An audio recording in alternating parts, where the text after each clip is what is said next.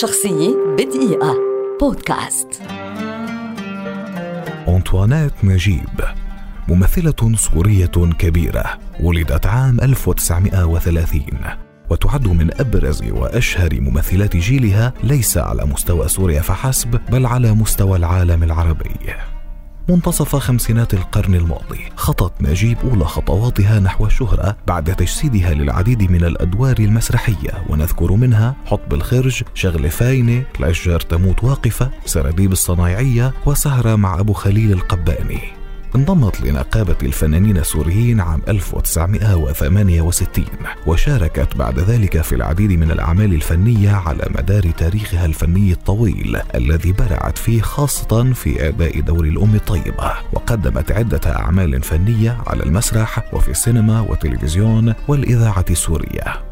على الشاشة الكبيرة. ظهرت نجيب عام 1973 في فيلمي شقة الحب وامرأة حائرة. كما انتقلت للعمل على الشاشة الصغيرة وشاركت في العام نفسه في مسلسل صح النوم الشهير.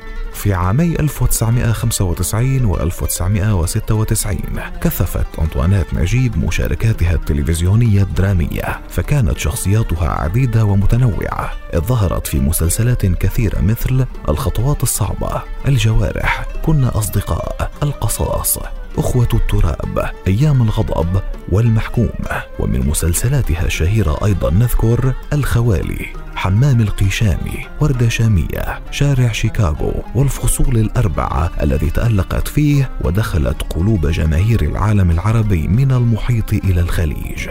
صباح الأربعاء السابع عشر من آب أغسطس 2022 رحلت القديرة أنطوانيت نجيب بعد صراع مع المرض عن عمر ناهز 92 عاما. شخصية بدقيقة. بودكاست.